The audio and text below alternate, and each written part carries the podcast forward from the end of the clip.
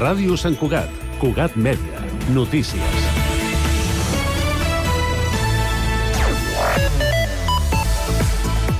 Bon dia. L'11% de l'aigua que surt de l'aixeta de Sant Cugat prové del mar, després de passar un procés de desalinització.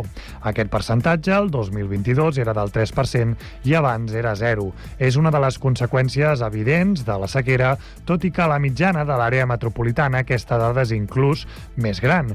Aquestes són dades que Aigües Ter Llobregat ha cedit a Cugat Mèdia i que expliquen per què la factura de l'aigua del 2024 serà més alta, ja que la desalinització l'utilització d'aigua de mar té un alt cost energètic. Ho explica David Vila, director d'Aigües Ter Llobregat. Evidentment, l'aigua del, dels rius, l'aigua superficial, té una major qualitat que l'aigua salada perquè el procés de desalinització o d'osmosis passa per retirar tota la mineralització de l'aigua. Eh? Per tant, nosaltres hi hem de tornar a portar calci, hem de tornar a portar minerals un cop finalitzada, però sí que el que podem garantir és que la qualitat eh, eh, és excel·lent, tant de, de gust com, organo, com organolèptica. Eh? El dispositiu especial que Mossos d'Esquadra va iniciar a Sant Cugat el passat 7 de novembre contra els robatoris a l'interior de vehicles ha acabat amb un detingut i un investigat la primera setmana. De fet, la nit del mateix dia 7 de novembre, la unitat de drons dels Mossos d'Esquadra va detectar dues persones que hores abans havien sostret un ordinador a Sant Vicenç dels Horts. Un dels dispositius va detectar una persona que mirava amb una llanterna a l'interior dels vehicles estacionats en un centre comercial de Sant Cugat informen fonts del cos a Cugat Media. En ser alertats, agents tant dels Mossos d'Esquadra com la policia local van aturar el vehicle amb el que intentava marxar aquest home. Les vuit persones de la casa ocupada del carrer de Margarit, a la Floresta, han estat desnonades aquest dimecres al matí, després que els ocupants aconseguissin una setmana de marge per empaquetar les seves pertinences. El llançament s'ha executat per requeriment judicial i amb un ampli operatiu dels Mossos que han acordonat l'immoble. Tot i això, el cos policial no ha hagut d'intervenir perquè els vuit residents han abandonat la casa sense resistència abans que arribés la comitiva judicial. Des del sindicat de llogateres asseguren asseguren que aquestes persones es troben en una situació de vulnerabilitat i sense alternativa habitacional i que no van ser notificades de manera oficial del desnonament. També lamenten que des de serveis socials, diuen, no s'hagin fet càrrec de la seva situació. Això és tot. Més notícies a www.cugat.cat. Cugat Mèdia, la informació de referència a Sant Cugat.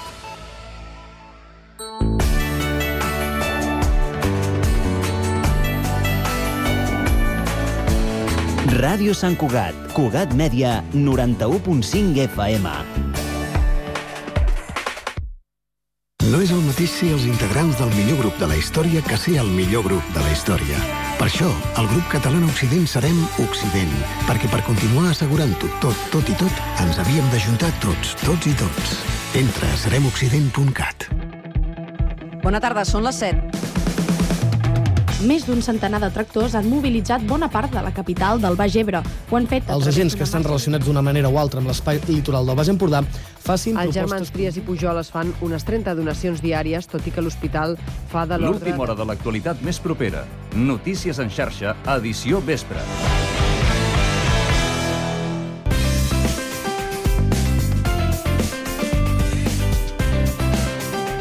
Ràdio Sant Cugat, Cugat Mèdia, 91.5 FM.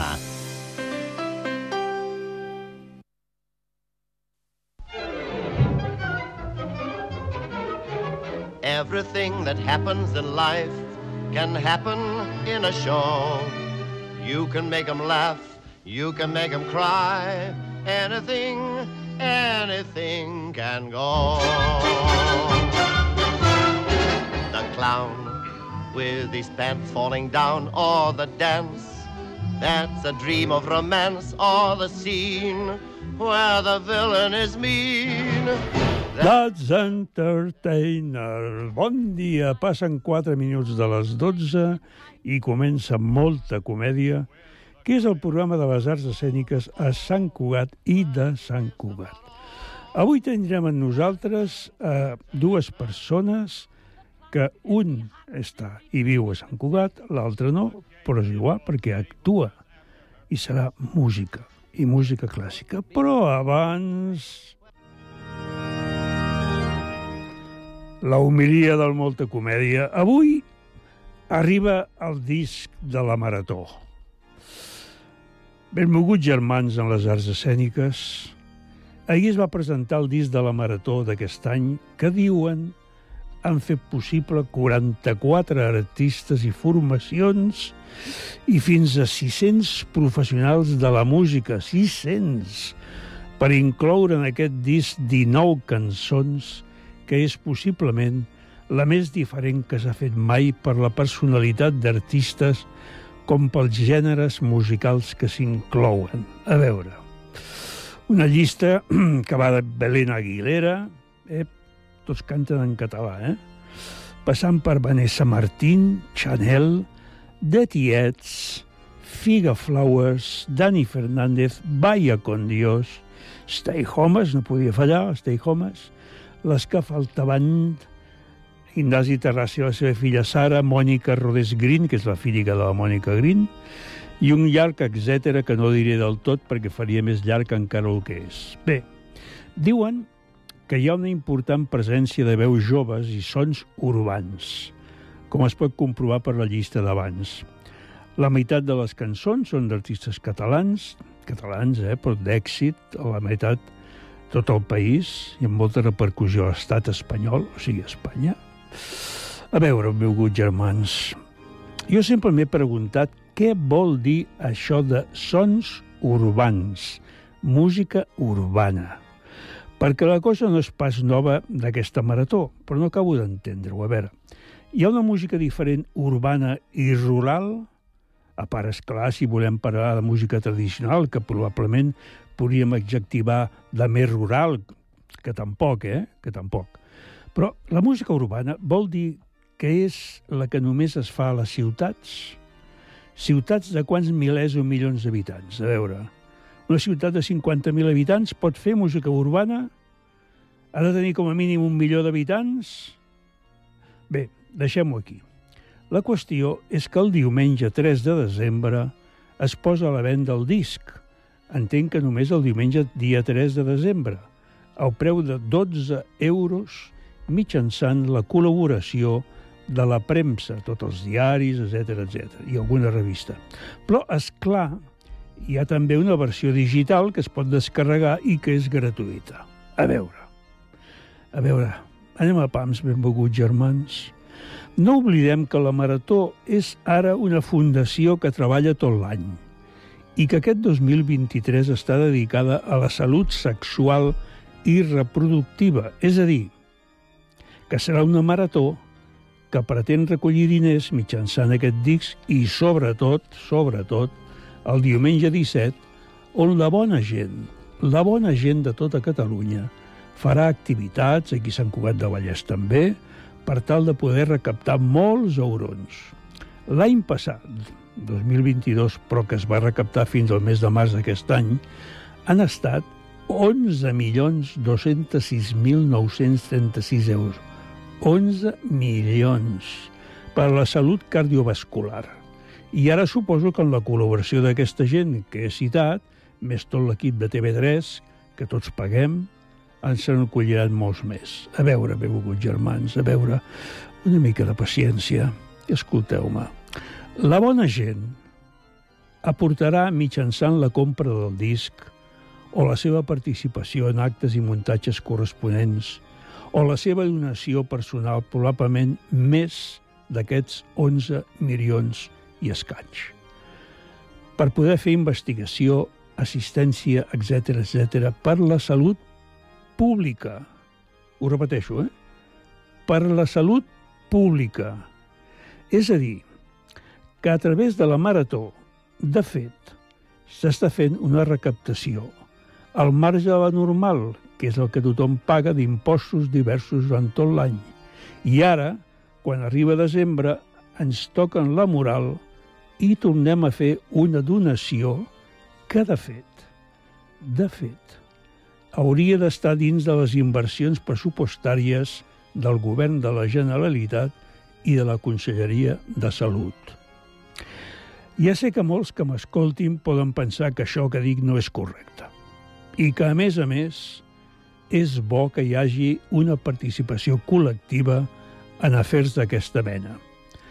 Però segueixo pensant que aquesta petició de diners per fer coses que des de l'administració pública haurien d'estar cobertes pel pressupost nacional és, de fet, un engany.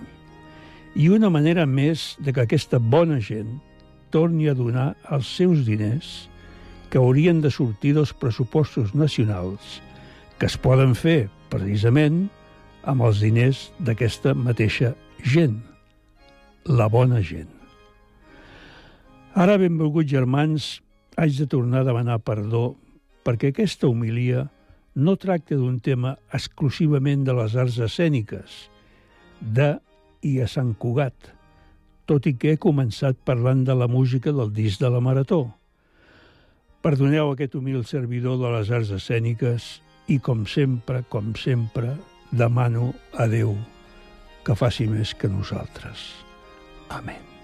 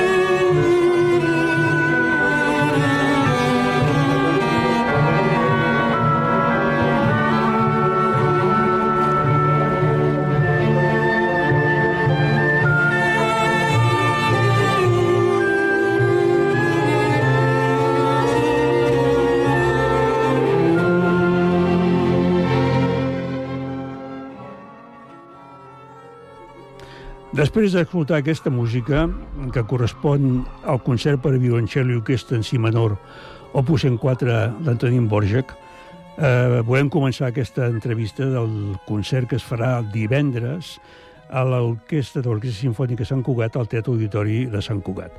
I tenim amb nosaltres en Josep Ferrer, que és el director artístic en aquest moment de l'orquestra, però a la vegada, en aquest cas, serà el director del concert. Josep, bon dia. Bon dia. Com estem? Molt, molt il·lusionats. Amb moltes ganes. Moltes ganes. Però també tenim en Pau Codina. I qui és en Pau Codina? En Pau Codina és un violoncel·lista que va néixer a Barcelona, però que després jo hi he vist que eh, va fer les seves primeres classes de violoncel als 4 o 5 anys a Manlleu. Pau, bon dia. Hola, bon dia. És veritat això que acabo de dir? Correcte, sí. Amb l'Eulàlia Sobirà. I com és que vas començar a Manlleu? Perquè vivies a Manlleu, m'imagino.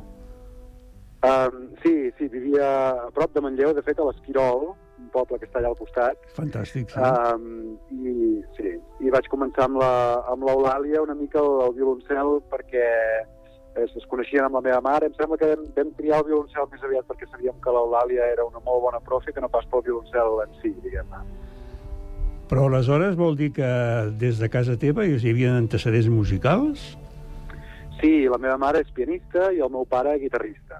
Per tant, ja gairebé podríem dir que estaves, estaves tenies el destí una mica marcat, no? Exacte, sí. Bueno, a la vida ens trobem de tot, no té per què ser allò que els fills de músics són músics i hi ha molts músics amb pares que no són músics, però una mica sí que ja anàvem encaminats. Bueno, diguem que en Pau Codina eh, em sembla que és la segona vegada que aquest any actua a Sant Cugat. Uh, és veritat, sí. Perquè el mes, any- el mes de febrer vas estar amb les cambres singulars Correcte, sí. i, a més a més, amb un, amb un repertori que jo et diria que, bueno, Bach, en aquest cas, discutible, però Enric Casals i Gaspar Caçador, malauradament, sí. no és massa normal. Uh, sí, sí, és repertori, hi ha molta cosa sempre per, per descobrir. Aquesta peça d'Enric Casals dedicada doncs, al, al seu germà, en el, en el Pau Casals, i de fet la, la suite de Caçador també dedicada a Pau Casals era un programa una mica al voltant de la figura de Pau Casals, eh, incloent una suite de Bach que diguem-ne que, que, que Pau Casals va ser dels primers que va, que va diguem, eh, portar aquesta música als, als, als escenaris. Diríem que aquest concert de violoncel que ens tocaràs el divendres aquí amb l'Orquestra Sinfònica Sant Cugat és un dels millors concerts de violoncel que s'han pogut fer? Jo crec que sí, jo crec que sí. És a dir, és el, és el concert, està considerat així en general com el concert per violoncel i orquestra com per excel·lència, uh, i, amb, i amb raó, crec jo. O sigui, és una, és una, una peça també que s'ha tocat molt dins del món de la música clàssica. No sé si atrevir-me a dir massa, és allò, tothom sempre es toca aquest concert, no? Però són aquestes coses que dius, doncs serà, és per alguna també. Perquè, perquè té, tenint en compte que, que que havia dit en el seu moment que, que es, eh, en fi, que no tenia masses ganes de fer un concert en violoncel perquè considerava que no era un instrument per ser solista o no ho considerava tant com un violí exactament o com una... Clar, eh, eh, és, és un instrument, ja sempre hi ha unes certes dificultats en quant a la, en quant a l'orquestració, al balanç, el, el violoncel al tenir un registre una mica més greu es barreja més amb, amb, els, amb, amb tota la massa, diguem-ne, de, de l'orquestra, aleshores això requereix doncs, una feina més de, de bisturí, diguem-ne, a l'hora de- de- d'orquestrar per fer que, que totes les textures es corresponguin en cada moment. Um, però és una, és una peça amb, un, amb una càrrega emocional molt, molt forta, uh, molt rodona, molt bonica, realment també a nivell com sinfònic és com una, és com una gran sinfonia, és, és realment de les obres, jo crec, sinfòniques, gairebé diria, més, més boniques que, que hi ha. Perquè tu l'has tocat en diferents ocasions? Sí, sí, l'he tocat, l'he tocat amb orquestra altres vegades i també, com et deia, és una d'aquestes peces tan típiques del repertori que quan es fan proves d'audicions per una orquestra o proves per entrar en una escola o per un premi o per el que sigui, és una cosa que sempre cau. Els concursos, a la final, el Borja, que el, la, la segona ronda dels, de les audicions per orquestra, el primer moviment del Borja, que és una peça que portem sempre a sobre i l'anem fent i refent. I és bonic arribar a un punt en el que te la sents teva també i pots, pots realment disfrutar-la, relaxar-te i tenir la sensació de que, de que estàs a sobre de la, de la peça, diguem-ne, i, que, i que pots fer el que pots fer-te la teva, realment. Això et va passar quan vas anar al, al Manchester Cello Festival? Al Manchester Cello Festival, això crec que no vaig tocar això. Allà vaig, vaig anar-hi, de fet, per fer unes, unes masterclass, és a dir, no vaig tocar en, en concerts, però, però sí, era molt bonic això del Manchester Cello Festival, per desgràcia ja no, ja no existeix. I de més tu vas estar també eh, amb la Yehudi Menuhin School durant bastants anys, bastant temps. Sí, jo vaig anar a estudiar allà amb 14 anys um, per fer, diguem-ne, és una escola on es fan, on es barregen els estudis acadèmics. És com, es fa com una mena de, com de batxillerat musical, diguem-ne, però encara més, més, uh, més reduït, potser, i és, és, un, és un internat, i està tot junt allà, els estudis de música i, i, i acadèmics um, normals, diguem, normals, bueno, ja m'entens, de- d'escola, um, i, i bueno, doncs això, hi ha temps, hi ha temps per tot, professors de, de molt alt nivell eh, i, i, molt, i un ambient molt, molt bonic, amb gent que també està amb moltes ganes, gent amb molt, molt de talent, molts, molts amics d'allà que tinc ja que queden de per vida, i això va ser dels 14 als 18, sí. I a partir d'aquí vas estar, em sembla, amb la, amb la Jove Orquestra de Catalunya i amb la, i amb la de Nacional de- d'Espanya, no? No, a la, a, la, a la JONC, a la Jove Orquestra de Catalunya, hi havia fet alguns projectes, de fet, abans d'anar a estudiar a Londres, abans dels 14, i amb la Honda, de fet, la Nacional d'Espanya no hi vaig anar mai. Aquesta me la vaig saltar. Te va saltar. No, no per res, eh, però vull dir que no, que, que, no, que tothom, tothom no. hi passa, la gent comença per la JONC i després van a la Honda i després a l'Europea. Jo vaig, vaig, vaig fer la JONC i després no, no he fet més eh, projectes d'aquests amb orquestres de joves, tot i que és una, és una meravella realment el que es fan aquestes orquestres. Com deies abans, aquest és un concert que han tocat moltíssima gent i jo tinc una, unes gravacions de, exemple, del Pierre Fournier que eren extraordinàries, sí. o el mateix Pau Casals, no cal dir d'Ostropovich, vol dir que ha sigut un jo, jo llamar, vol dir que ha sigut una cosa extraordinària en aquest sentit. Eh, eh, tu et quedaries amb algun d'aquests grans... Eh, o sigui, quan, quan, quan tu interpretes eh, d'alguna manera, no dic, no dic que imitis, sinó que penses o creus, t'adaptes més a un tipus determinat de- d'interpretació? És molt complicat això de, de, de contestar perquè també és una cosa que és molt canviant, és a dir, depèn de quan ho fas, en quin moment estàs, una cosa et diu més o, o, o, o menys i sempre vas com redescobrint i, i entenent coses, no? Jo crec que és molt bonic, en general, aquesta vegada, les, el que he estat escoltant han sigut també gravacions una mica més antigues, perquè també, vulguis que no, en el món en el que vivim ara, tantes gravacions que es fan de, de coses, tothom també, tothom ha gravat el, el, el Borjak. Hi ha una mica una tendència avui en dia en el món del, del, de les gravacions eh, d'estudi, de voler-ho netejar tot molt, tot molt pulcre, tot molt polit, tot molt net, i, i una tendència també així com d'un tipus de, de, de manera de tocar el violoncel molt, molt, molt musculosa, diguem-ne, molt, molt forta, um, i com més enrere vas tirant, vas veient personalitats potser més, més marcades, jo crec, I aleshores, aquestes gravacions més antigues a mi últimament em, em diuen més, tot i que a vegades veus que no van junts amb l'orquestra o que hi ha un petit fallo de no sé què, però dius, hosti, però, però hi ha una, una, una expressivitat, un, un caràcter, una personalitat, és, és com l'expressió i la intenció per sobre d'aquestes altres coses, no? d'aquesta mena de neteja. I aleshores, doncs, Casals, per exemple, Jacqueline Dipré, espectacular, Tortelier, fantàstic, i el Fournier, aquest és dels primers discs que de fet que jo tenia amb el, amb el, amb el concert de Borja, que l'havia escoltat molt també. Però veig que hi ha un salt, per exemple, entre Fournier i Capuzon, eh, a, a Gautier i Capuzon. Hi ha una diferència total. Sí, sí, clar. És, bueno, ara vivim en un altre, en un altre món, també. És, és, és bonic poder-ho tenir. Poder, poder accedir a tot és, és, és bonic, de fet, sí. Bueno, tenim Josep Ferrer aquí, que ho està, està escoltant i està fent la seva meditació. Josep, tu què en penses? Bé, que està bé a tenir referències, però finalment també eh, t'has d'adaptar a cada moment, en cada projecte, en cada, en cada producció, doncs es crea una, una relació, es crea una, una cosa nova que finalment segurament tots tenim influència, tot el que hem sentit, però que, que en aquell moment tenim la sensació que ho estem, ho estem fent de nou, no? Llavors, eh, en aquest sentit, doncs, ja hem començat els assajos amb el Pau i realment és una delícia, perquè perquè ell no està pendent de la tècnica, la té superadíssima la tècnica, malgrat que sigui un concert d'una dificultat, eh, jo diria que increïble, eh? eh, però, però anem a fer música i això es comunica amb els músics de l'orquestra, amb el Pau i tots plegats, i, i serà un concert molt emocionant i molt, molt emotiu i molt, i molt bonic de viure.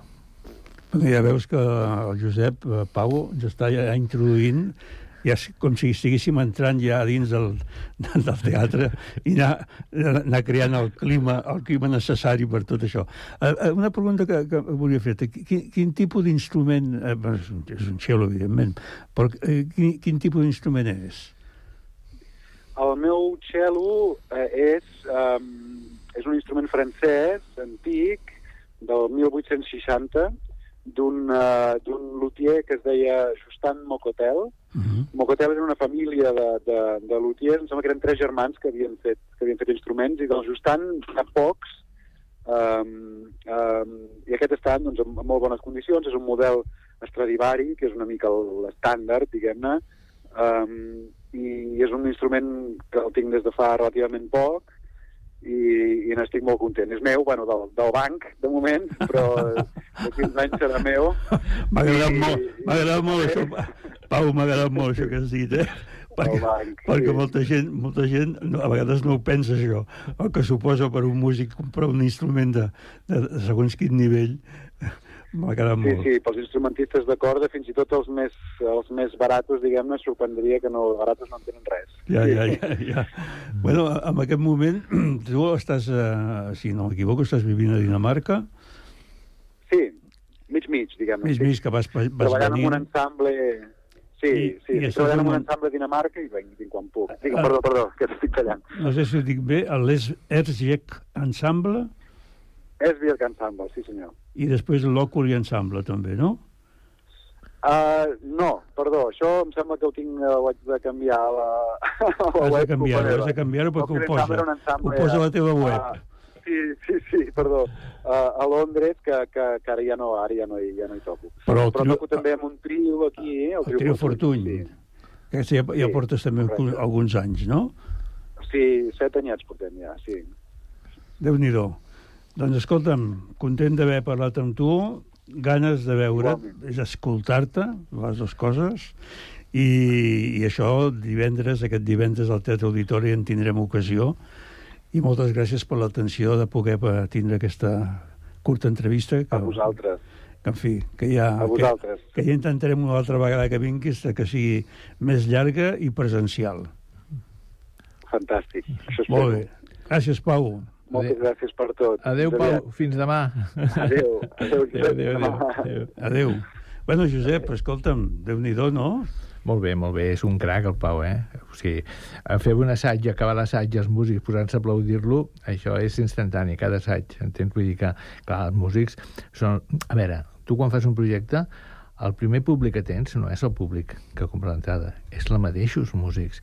I aquests són els més exigents. El músic és el més exigent de tot. Segur per què? Perquè ell és la seva vida i entén, sap la dificultat, ho coneix tot. I bé, quan fas un assaig i acaba I se n'adonen i se n'adonen quin, quin esforç hi ha allà. De quin... tot, de tot, de tot, se n'adonen de tot. El músic, el músic són molt bons. I, I, bueno, és una delícia, és una delícia. Estem passant molt bé perquè, a més a més, és música fantàstica, és una música que ho té tot, està molt ben escrit, molt ben orquestat, com diu ell, perquè això, això és veritat, el problema de, el problema d'un solista amb un registre greu és complexa, perquè, clar, l'oïda, l'oïda se'n va cap a... Si tu sents una, un, una coral, doncs segurament el, teu oïda va cap a les sopranos, cap a la veu més, més aguda, a no ser que tinguis molta, molta pràctica i vaig a veure què fa la segona veu, què fa la tercera veu. Clar, se'n va cap a dalt. Si tu, el solista, és un, és un instrument de, de, de, de la, de, del mig, diguem-ne, que, que tots els instruments de fusta, flauta, oboès, clarinet, fagots van per sobre, els violins van per sobre, les violes van per sobre, és un instrument dels greus, la forma d'escriure per orquestra ha de ser molt intel·ligent perquè, perquè per permetre, des del punt de vista acústic, perquè aquí estem parlant amb, amb son natural, no, no amb un estudi que es pots barrejar i pujar i baixar els balanços, sinó que amb un concert en directe té que estar molt ben orquestrat perquè se senti tot i perquè l'orquestra me llueixi. I això està aconseguit perfectament amb el Borsak. O sigui, és una passada. El mateix Brahms, quan va, el Bram, Brahms, el gran Brahms, Johannes Brahms, quan va veure aquest concert va dir, ostres, no sabia que es podia escriure sí. una cosa, un concert per violoncel. Diu, si, si ho hagués sapigut o ho hagués només tenit idea, i hagués intentat fer-ho jo, també, perquè, perquè va veure que realment havia, havia aconseguit un gran concert. Bé, és un concert fantàstic i, i, bé, i, i la gent, la gent sortirà entusiasmada perquè és, és de les coses més, més, més que grans. penso que té un inici al principi, o sigui que al primer temps, eh. entra l'orquestra i està Sí, l'orquestra sí, sí, una sí, estona, sí, tal, sí, tal, tal, però l'entrada, Sí, l'entrada sí, de, del violoncel és, és d'una força... Sí, sí, sí, és que no té desperdici. A més a més, és molt, és molt emocionant, també, perquè encara que la música s'ha de, de diguem sostindre per ella mateixa, per les seves pròpies normes internes d'equilibris i de contrastos, eh, no és aliena a l'estat d'ànim del compositor, no? I el compositor en aquest moment també està en un moment una mica, una mica dramàtic perquè a la mort de la seva vida, eh, mentre estava escrivint això, primer estava malalt després es va morir, i clar, hi ha moments de molta entusiasme, de molta... Va, que va començar quan estava a Nova York? Va, sí, és l'última obra que... La va, aquesta obra la va escriure quan encara estava a Nova York i després de, de l'èxit de la Sinfonia del Nou Món. Exacte. I llavors després ja va tornar cap aquí. Però, però aquesta ja és una obra amb, amb la que es barreja aquesta energia, aquesta, aquesta, aquesta força en moments de gran tendresa i de gran, diguem tristesa també, perquè no dir-ho, hi ha algun moment que, que realment és, és absolutament dramàtic i molt, i molt emocionant. És un concert que té tot, té moments d'eufòria, de moments de, de moltíssima força, de molta energia i moments de, de molta de molta placidesa i el solista té un paper impressionant tècnicament, vull dir, dobles, triples notes, melodies, llegats, acompanyaments a totes velocitats, vull dir, realment és, una, és un compendi de tot el que es pot fer amb un violoncel. Bueno, doncs, escolta'm, esperem a, a, a l'arribada del, del Pau Codina a Sí. l'escenari, que pugi a l'escenari, que, que el sentim. I parlem de l'altra part del concert, perquè tenim Beethoven. Home, l'altra a part... la, primera seria un mm, més modern i la segona Sí. un una mica més antic, però vaja, dintre del segle XIX. Sí, eh, el Beethoven, a veure, el primer, eh, per entendre'ns, per parlar clar i ràpid, el primer és el lluïment del solista i el segon és lluïment d'orquestra. Eh? Vull dir, això és el que diguem, s'acostuma a fer. Al final de la primera part, el solista, doncs, tots aplaudim al solista i si convé, diguem, que si pot tocar un bis, el que sigui, perquè... i a la segona part, diguem, ara, ei, ara estàvem nosaltres al servei del solista, perquè quan fas un concert per solista i orquestra, l'orquestra s'ha d'adequar, s'ha de supeditar, ha d'estar al servei del, del solista.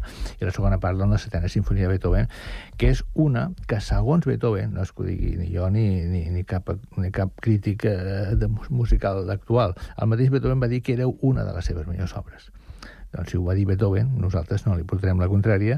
I... No, perquè s'enfadaria, perquè s'enfadaria. sí, I, a més a més... podria ser. Sí, i és una obra, i és una obra realment reeixida, reeixida que, que, bé, que, que tocar-la doncs, et, deixa una petjada important. A més a més, una obra molt rítmica, molt, molt, molt, molt espectacular, molt espectacular. És una obra en quatre temps, però té un segon temps, Bueno, que és l'Alegreto. El segon temps, el segon temps és famosíssim perquè s'utilitza en pel·lícules, des d'aquella, com era aquella del, del, del, del rei mut, el rei, com era? Hi ha una, Quina vols una pel·lícula que deia el rei, el rei que, que, que era tortamut, el rei que... La, Ah, la, el, sí, la, la, la pare de la, de, la- de, la- de l'Isabel II. Sí. La pare d'Isabel II. Això, vull dir, des de, des de pel·lícules sí conegudes com aquesta s'ha utilitzat i és una, és una música que absolutament mm, és Ah, coneguda. no recordo, Eduard eh, Sí, no, no me'n setè, recordo, no o- me'n recordo. No recordo. És una música mm, bueno, que en tots sentits és, és, és aquesta perquè és coneguda, però aquest és el segon temps que és absolutament conegut, que tothom que ho senti dirà, ah, ostres, ja ho havia vist, no? Ja ho havia sentit però la resta també és molt espectacular i té un final eh, a- apoteòsic, apocalíptic, allò de dir de canons i de focs d'artifici i de, i de cremar-ho tot perquè és un final amb molta, amb molta, amb molta energia. En aquest cas, eh, Beethoven la va dirigir, aquesta l'estrena d'aquesta obra? Sí, sí, em sembla que sí. Que Que la, la va la va dirigir i, a més a més, eh, no sé si la primera, però immediatament va tenir un èxit eh, espectacular, que això normalment costa. I que he llegit que l'estrena el Bueno, la- va dirigir i van fer repetir el Legreto. Exacte, exacte. L'Alegreto aquest eh, ja, ja la gent va veure que era una cosa especial, sí, sí. Bueno, és un Alegreto, però és, és, diu Alegreto, però això de les paraules Alegreto i tal no és alegre, eh? Vull dir, és una, és una peça, és un, és un segon temps, diguem-ne, per entendre'ns, no seria del ràpid, seria dels lents, però amb molta, Sobretot al principi. molta tensió, és com el bolero de Rebel, diguem-ne, que, que el tema va pujant, va pujant, va pujant, arriba un, un moment d'esclat, de una fuga fantàstica i torna a recollir-se al final. És molt bonic, és molt bonic. La, la obra eh, la vas escollir tu? Sí, sí, sí. sí, sí. Per què la vas escollir? Mira, aquest és el concert, aquest és el concert que quan jo era director titular, clar, doncs sempre donaves prioritat als convidats i els convidats volien fer aquest tipus d'obres, no? un concert, una sinfonia i tal. Jo, amb molt de gust i molt de llocs, però havia fet bastant, jo què sé, concert de Balso, concert de Sant Jordi, concert amb obres més curtes i tal, per adaptar-se al programa perquè, per donar una mica de varietat, no? I ara, que és al revés, que jo vaig director convidat, he aprofitat i dic, ara, ara és la meva. Ara vaig a fer aquell programa que a mi em fa il·lusió, perquè el concert aquest de, de Borja ja, ja el volíem fer fa uns anys, amb un direct, eh, hi havia el Nesterovic com a director convidat i, i el... Eh, com es diu? Pastrana, un Pastrana, Sí. un, un, un violoncel·lista molt bo també, i al final no va poder ser i van fer variacions rococó per violoncel sí. i orquestra, i es va quedar a la memòria un dia hem de fer el concert de Borsa, que allò que dius com un gran, com un gran objectiu, no? I, eh, i he tingut aquesta oportunitat, doncs, escoltam, aprofitem-ho i, i anem a disfrutar, anem a fer Borsa i anem a fer Beethoven. Beethoven té una característica, si estàs d'acord amb mi, que és que en moments determinats és d'una gran força i una gran eh, potència, mm. -hmm. inclús a vegades inclús dius, inclús massa, però és que després arriba un punt que fa una baixada i entra amb un, com, un, com una espècie d'èxtasi musical que dius que és com un contrast que deu, deu ser un, un, també una, una, cosa, evidentment, eminentment personal, o sigui, la seva característica com, com, a, com el seu caràcter mm, humà. Jo crec que, a veure, la meva percepció és que Beethoven controlava molt bé el tempo, el tempo en el sentit del temps. O sigui, per, per, per desenvolupar unes emocions necessites un temps, necessites uns segons o uns minuts. Llavors això ho controlava molt bé. Per exemple, al final, de, al final del... A veure quin és el primer temps, hi ha un moment que, que està en una tonalitat eh, que no és la, la, la, la, la primera, o sigui, i, i té que tornar, i repeteix... Que és la major, no? Sí, la de la major, major. exacte. Repeteix 11 vegades la mateixa.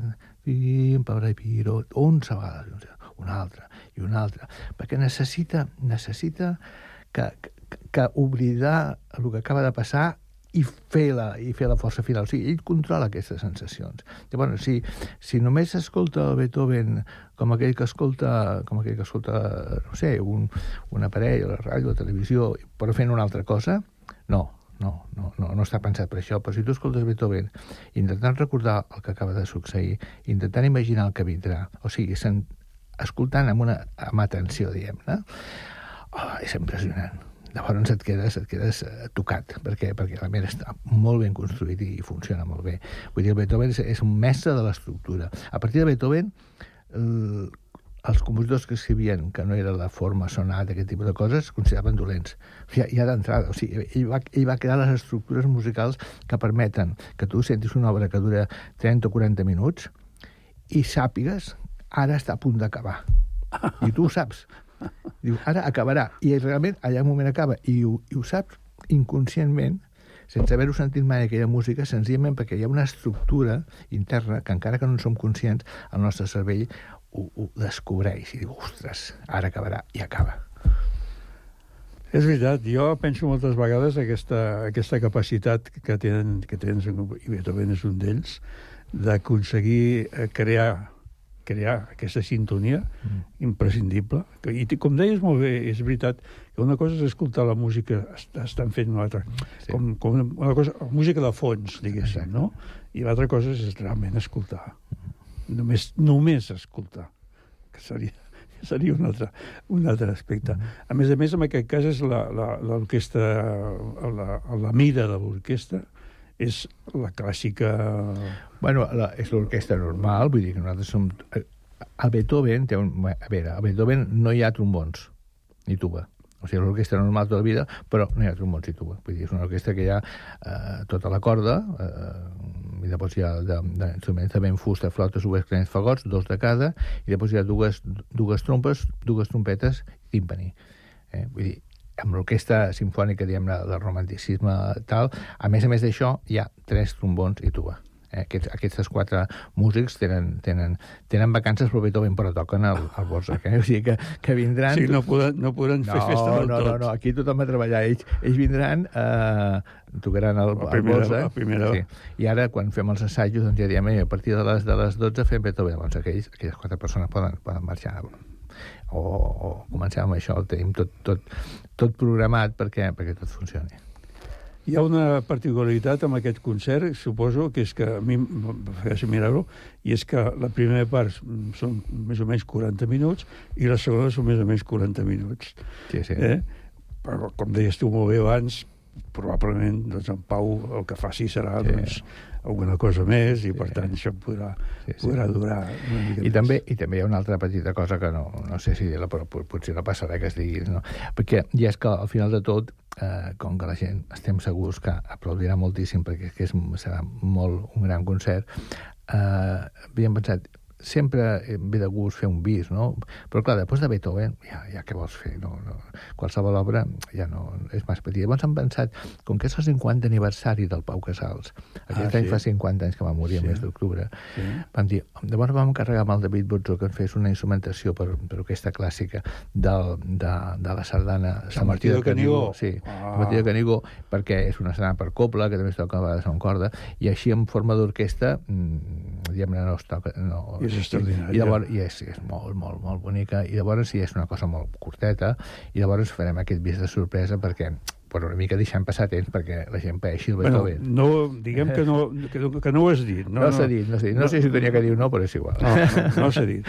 A mi jo penso que Sant Martí de Canigó, sí. jo vegada que escolto Sant Martí de Canigó tenia molt pocs anys, sí. eh, potser 12 o 13 anys. Sí, sí, sí. I vaig quedar. Sí, sí, sí. Perquè, clar, és aquella, saps què passa? Eh, que és aquella vegades, aquella mm, posició que no, de la, una sardana com una música menor, i és mentida. Això és totalment mentida. Clar, però vull dir, en molts casos és aquesta idea, Però no? això, això és com si diguéssim, a veure, eh, un vals és una música menor? O sigui, un vals, un valset, era, era una cosa que tocaven pels pobles, amb un violí i una guitarra, pels pobles d'allà al centre d'Europa. I això, I això és el que hi ha.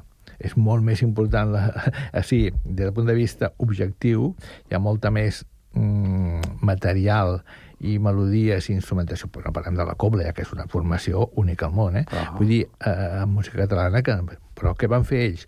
Van, van dir, això li posarem un vestit, un vestit de, de, de, de, de gran prestància, i llavors van fer unes orquestacions i tal, i tot el món escolta Strauss amb enjoiat i amb un gran, una gran sala de concert. En canvi, nosaltres aquí, no sé què ens passa, que a vegades no ens ho creiem, el que tenim aquí, i llavors, bueno, això de la sardana, vols dir...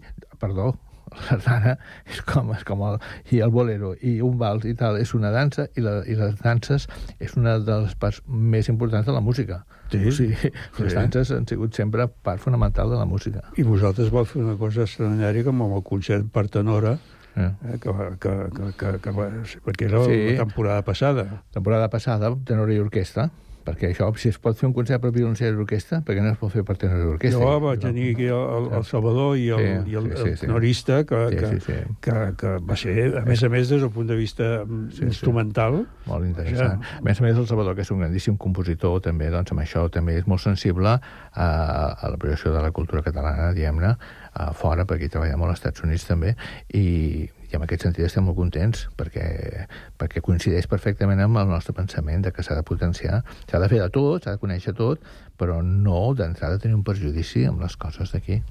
Bueno, com a director artístic estem acabant el temps que... Sí. Però abans d'acabar del concert ja hem parlat, que fantàstic, primera part, segona part, no cal dir, i, i apuntant aquest, aquest final que ens has avançat, aquest, que ens has avançat encara més, amb més motiu. Però jo volia comentar, en aquest moment, l'Orquestra Sinfònica Sant Cugat, eh, eh, com, com, com la veus, com de, de, de projecció? O sigui, tenim en aquest moment perspectiva, per exemple, d'augmentar el nombre de concerts per temporada? Mira, jo crec que el mo- moment de l'orquestra artísticament és el millor de la nostra història. És, en aquest moment és una orquestra que, està entre les primeres de Catalunya, absolutament. I això també ens, porta problemes, perquè el fet de ser les primeres i competir a la primera divisió, m'entens? Hi ha gent que, que nosaltres competim amb orquestres que tenen 10 vegades més el nostre pressupost. I això hi ha gent que l'inquieta. Llavors, hi ha, hi ha, nosaltres estem molt contents, molt satisfets, però també estem preocupats perquè veiem que hi ha mm, que no tothom, que, que, que no tothom valora, valora el, el fet de tenir una orquestra de les cinc millors del país i en una ciutat com Sant Cugat, que no és capital de, capital de província, i això ens preocupa de cara al futur. Però eh, la meva feina és estrictament artística i t'haig de dir que en aquest moment tenim els solistes convidats, són els millors, el director que tenim titular és el millor, sens dubte, català en aquest moment, i tenim una temporada en plena d'èxit, i això es demostra amb l'audiència. Eh, a l'últim concert ja va haver gent que es va quedar fora perquè no va poder entrar, per tant, estàs exaurides.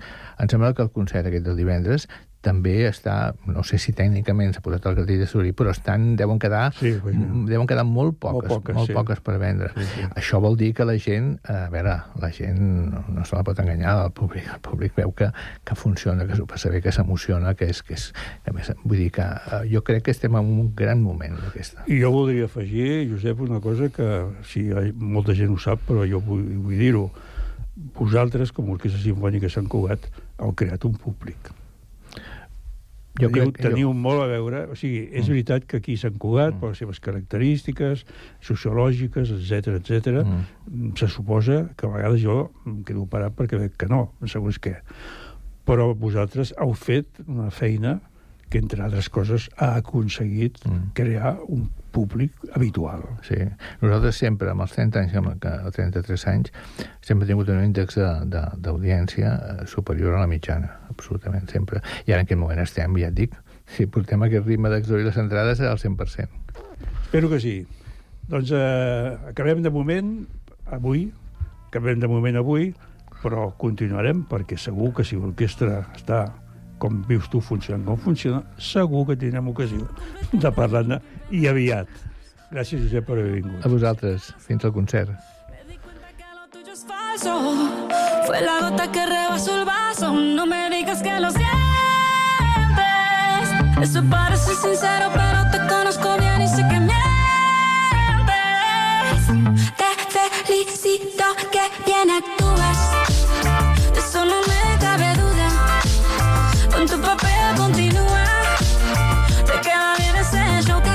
Salt, quin salt més important. Acabem de parlar de, de Borja, que acabem de parlar de Beethoven, i ara saltem a Shakira Isabel Mebarak Ripoll. Ep! Escolteu, Shakira Isabel Mebarak Ripoll. O sigui, segon cognom de la Shakira català. Ara ja puc entendre això de que factures. Clar que sí, evidentment. O sigui, Shakira ve d'un pare libanès, si no m'equivoco, i segurament d'una mare catalana, família catalana que havia estat a Colòmbia, i, escolta'm, però a un moment o altre va arribar, i per aquí arriba i tenim la Shakira. I per què? Perquè, escolta'm, vaig llegir un article d'entrada que deia Sevilla perrea con los Grammy Latinos. Más de 30 fiestas ponen a la ciudad a bailar i facturar. Això és avui. Això és avui, aquesta nit. Los Grammy Latinos, i evidentment la Shakira estarà allà, com tanta gent. És que hi ha molta gent, però fixa't bé.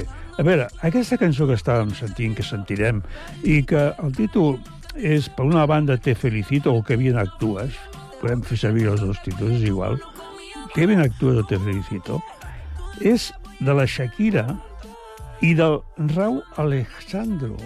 Alejandro.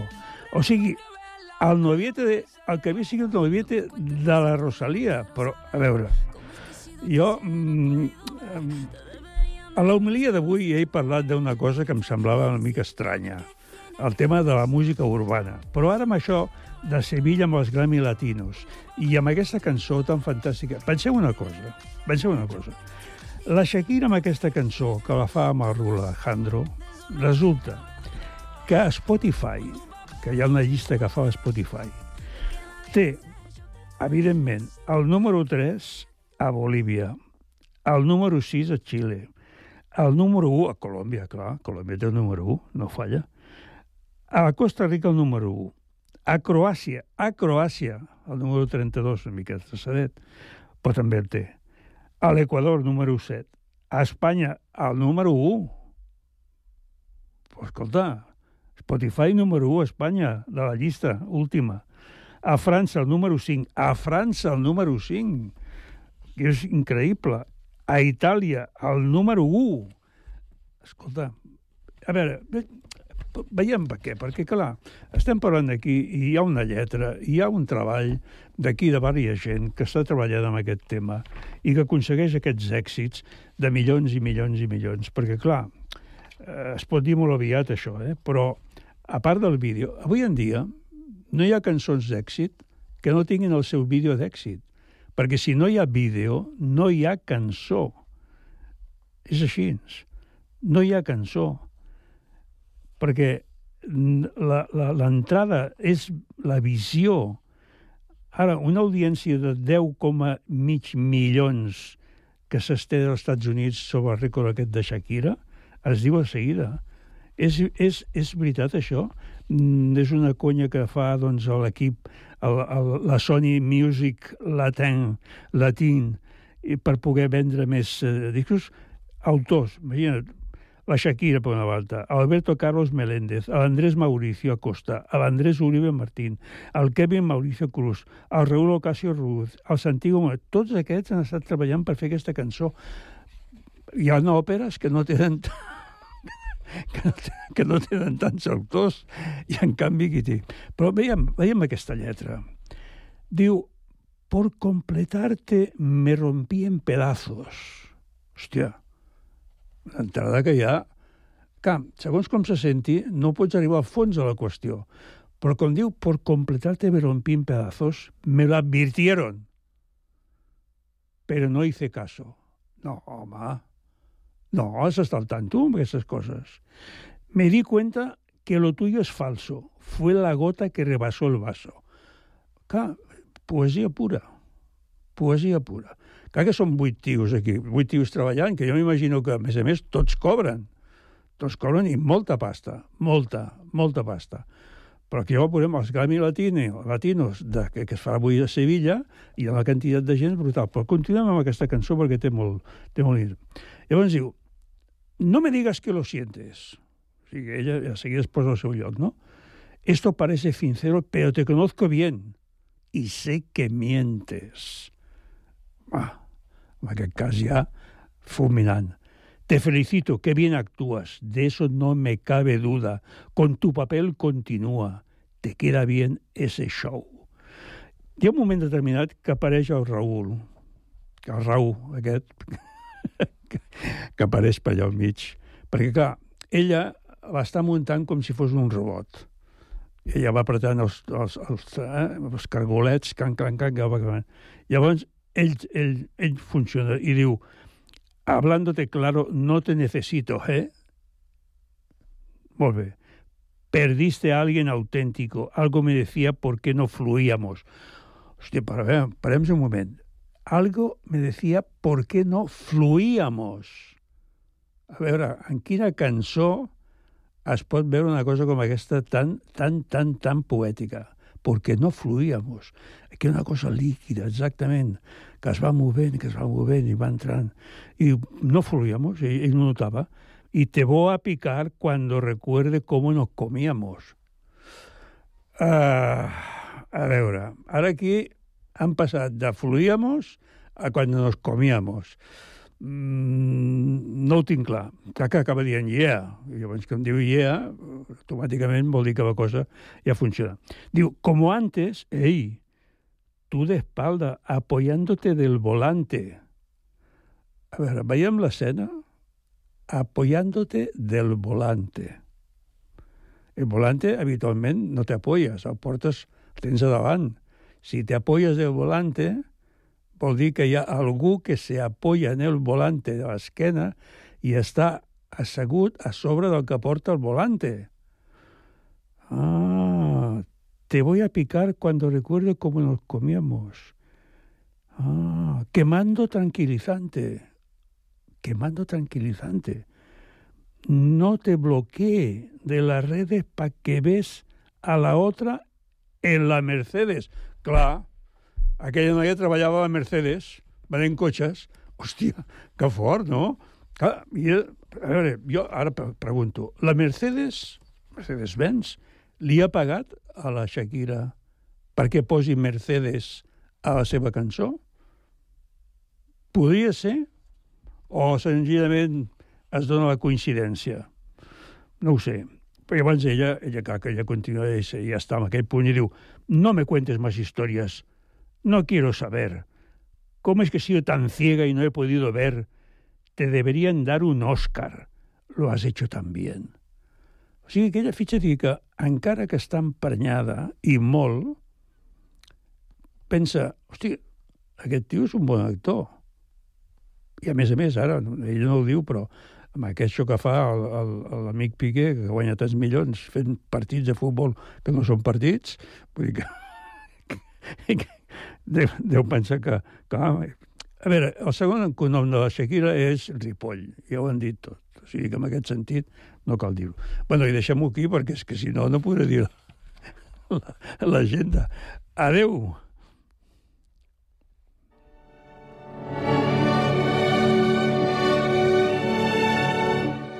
I avui a les 8, al Bocamoll de Casal de Torreblanca, concert de petit format amb el trio de folk Canai Bros. I divendres a les 20 hores al Teatre Auditori, concert de l'Orquestra Sinfònica Sant Cugat, que és aquesta que hem parlat, amb violoncel, l'Orquestra en si menor, opus 104 d'Antonín Borjak, amb Pau Codina de solista i la Sinfonia número 7 d'en La major opus 92 de Ludwig van Beethoven. I diumenge a les 12, cambres singulars a l'Espai Àgora de l'Ajuntament amb el duo de flautes travesseres Die Sauberfloten i a les 19 hores al Teatre Auditori sexta gala de ballarins catalans al món direcció de David Lludes i Salvador Martínez amb 14 ballarins i ballarines, clàssic i neoclàssic, música de Tchaikovsky, Adam, Ginastera, Prokofiev, Minkus i altres. Jo us deixo aquí una mica, una mica, una mica, una mica d'Espartacus, de Katchaturian. Adeu, fins la setmana que ve.